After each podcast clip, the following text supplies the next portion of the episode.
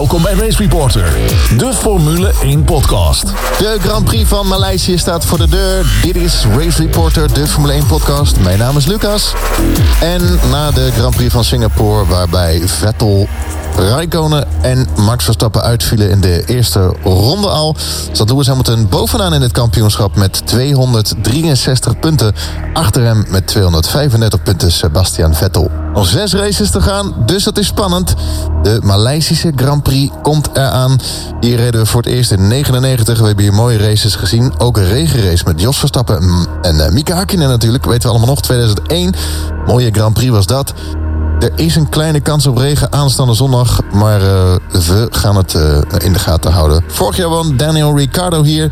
Sebastian Vettel heeft hij vier keer gewonnen. En Schumacher won hier drie keer. Race Reporter, de Formule 1 podcast. RaceReporter.nl Grand Prix van Maleisië komt eraan. Ik ben Lucas, Frederik is er ook. En... Erwin, zeker. Hallo. Erwin, leuk. Waar, waar, kom, waar uh, stel je even voor, waar kom je vandaan? Ik ben Erwin, 27 jaar. Ik kom uit Amsterdam. Groot Formule 1 liefhebber. Oké. Okay. Hoe lang kijk je al? Sinds, uh, nou, een jaar uh, of 15 nu. Het uh, Schumacher-tijdperk. Aha. En, ah, voor, voor okay. Je hebt uh, zien debuteren. Zeker. ja, inderdaad. Met uh, en Sauber. Ook nog eens, ja. ja. Ja, en daar is het allemaal begonnen. Er is uh, veel gebeurd deze week. Uh, vorige week ook natuurlijk. Saints naar Renault. Maar hij blijft onder contract bij Red Bull. Honda naar Toro Rosso. Volgend jaar al. En Renault naar McLaren. Die gaan ermee stoppen bij Red Bull. Aan het einde van volgend jaar. En dan... en Aston Martin op de, de Red Bull. Ja, zeker. Ja, interessante ontwikkelingen. Ik denk dat uh, de deal met Aston Martin, dat is ook iets voor de langere termijn. Um, als ik al een beetje zo lees, de geruchten links en rechts, is dat Aston Martin uh, later Cosworth motoren uh, wil gaan rebadgen. Ah. en, voor, en McLaren wil die motoren dan ook hebben en dan onder zijn eigen naam McLaren weer in zijn auto's achterleggen. Dus het is eigenlijk een deal voor de lange, lange termijn. maar ze gaan toch met Renault, McLaren? Dat is, dat is voor volgend jaar. Maar voor 2021 uh, denk ik dat Cosworth in gaat stappen. Oh, okay. uh, met de nieuwe motorenregels. Ja, die deden het altijd goed, Cosworth. Ja, absoluut. Ik hoop dat ze tegenstand kunnen bieden met Mercedes. Uh. Ja, zou mooi zijn. Het is opvallend, sinds Fiat uh, slechte nieuws heeft gekregen... heb ik ineens allemaal meldingen van Russische virus op mijn computer. Dus ik weet niet wat er aan de hand is. Maar ja, wat is dat toch ik, aan de ene kant gun ik het hem niet. En aan de andere kant denk ik, ja, uh, pff, het heeft ook wel lang geduurd, toch? Man, man, man, man, man. Dit is het beste wat de Formule 1 uh, had kunnen overkomen. Daniel Kviat eruit. Verschrikkelijk. Ja, echt, hè? Oh, in Oostenrijk uh, ook gewoon slecht remmen blokkeren. Dat deed hij trouwens in Baku. Daar, als je de onboard even kijkt van de start... mist hij ook ja. bijna. Raakte volgens mij Williams. ramde hij er ook bijna af. Ja, en de Sainz kegelde hij er bijna ja. af. Ongekend. Wat een idioot. Ja, die man die zit zo onzeker in die auto. En die heeft natuurlijk een klap gehad uh, toen hij van Red Bull naar Toro Rosso werd teruggezet. Ja. En dat, dat merk je in alles. We hebben van alles geprobeerd. Vodka gegeven, werkt ook niet.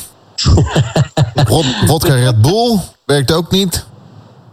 En nu hebben ze gezegd... Ja, dan is het einde verhaal. Ja.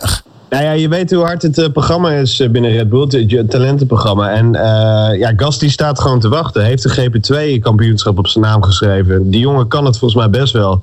Um, ik ben heel benieuwd hoe hij het gaat doen. Maar ja, de, dat Fiat wegging, het was uh, vroeg op laatst zou het toch gebeuren. Ja. En nu krijgt eigenlijk Toro Rosso een beetje extra tijd om hem voor dit seizoen in te zetten. En was klaar te stomen voor volgend seizoen. Ja. Ja. Dus alleen maar, alleen, maar, alleen maar goed, denk ik. Okay. Nou, ik vind dit goed. En ik vind dat eigenlijk te weinig teams in de Formule 1 dit doen. Want er zitten nog wel een paar gasten uh, op de grid tegenwoordig. Uh, bij, bij wie ze hetzelfde hadden kunnen doen eigenlijk. Ja, en kijk bijvoorbeeld bij McLaren heb je Nick de Vries uh, zitten... die ja. eigenlijk al heel lang zat te wachten op een stoeltje. Goed, dat is nu ingevuld door Stoffel van Doornen. Uh, die overigens ook al veel te lang heeft moeten wachten op zijn beurt. Want die had echt al een paar jaar eerder moeten debuteren. Zeker uh, maar goed, ja, het is een heel hard talentenprogramma. Daar staan ze onbekend. Maar ik, ja, het, het brengt gewoon uh, af en toe uh, echt sterretjes naar voren als Max Verstappen. Dus je kunt maar net die ene in huis hebben. Dus ik, ik denk dat het heel erg goed is. Helemaal mee eens. Sainz, Sainz junior, moeten we zeggen, die gaat naar Renault. En uh, blijft nog wel onder contract bij Red Bull, begrepen? Uh, ja, dat, gaat een fantastische combinatie worden. Carlos Sainz Jr. en uh, Nico Hulkenberg. Dat, daar verwacht ik heel veel van. Ja, ik denk het ook. Ik denk dat ze, ze zijn echt allebei heel erg gewaagd aan elkaar. Uh, Hulkenberg heeft natuurlijk Le Mans op zijn naam geschreven. Is razendsnel. Sainz is ook heel erg snel. Wel wisselvallig en kan af en toe een beetje een driftkikker zijn. maar goed, hij heeft dan nu eindelijk zijn plekje verworven. En ik ben heel benieuwd hoe hij het naast Hulkenberg eraf gaat brengen. Nou, ik, eh, ik denk dat uh, we eenzelfde situatie als Ricciardo Verstappen gaan krijgen. Dat Ricciardo nu, um, je ziet gewoon aan hem dat hij nog meer uit zichzelf moet halen om Verstappen te kunnen beaten, te kunnen verslaan.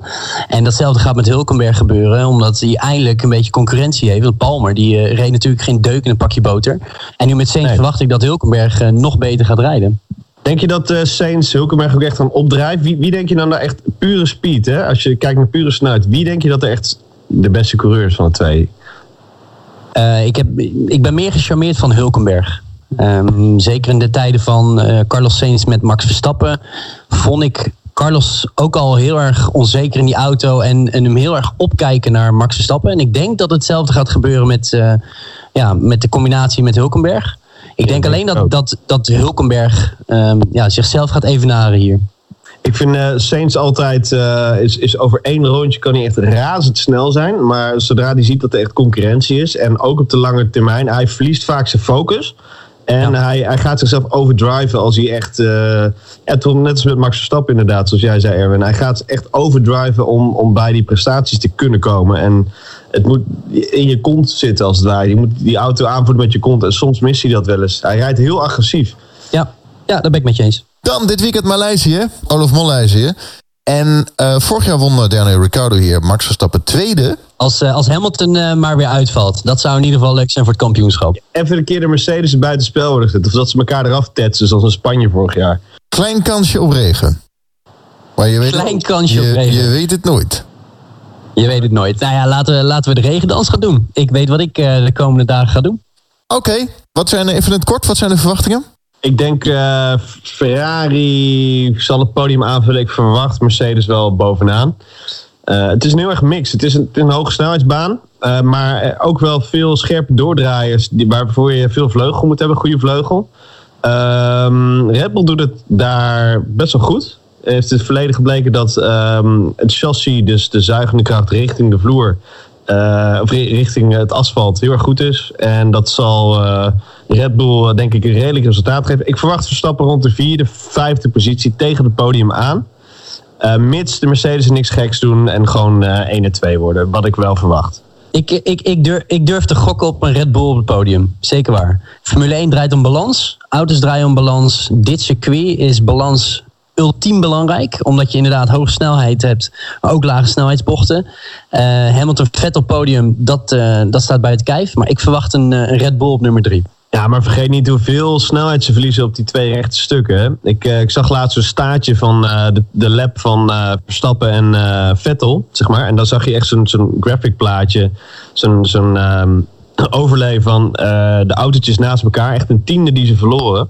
En uh, je ziet dat in de bochten zie je de Red Bull echt super dichtbij ja. komen. Echt zelfs nog winnen. Maar ja. de rechtstuk verliezen ze zo drie tienden voor één lang rechtstuk. En dat was alleen al op Singapore. Oké, okay, nou we gaan er naartoe. Erg veel zin in. Aanstaande weekend zondag vroeg op.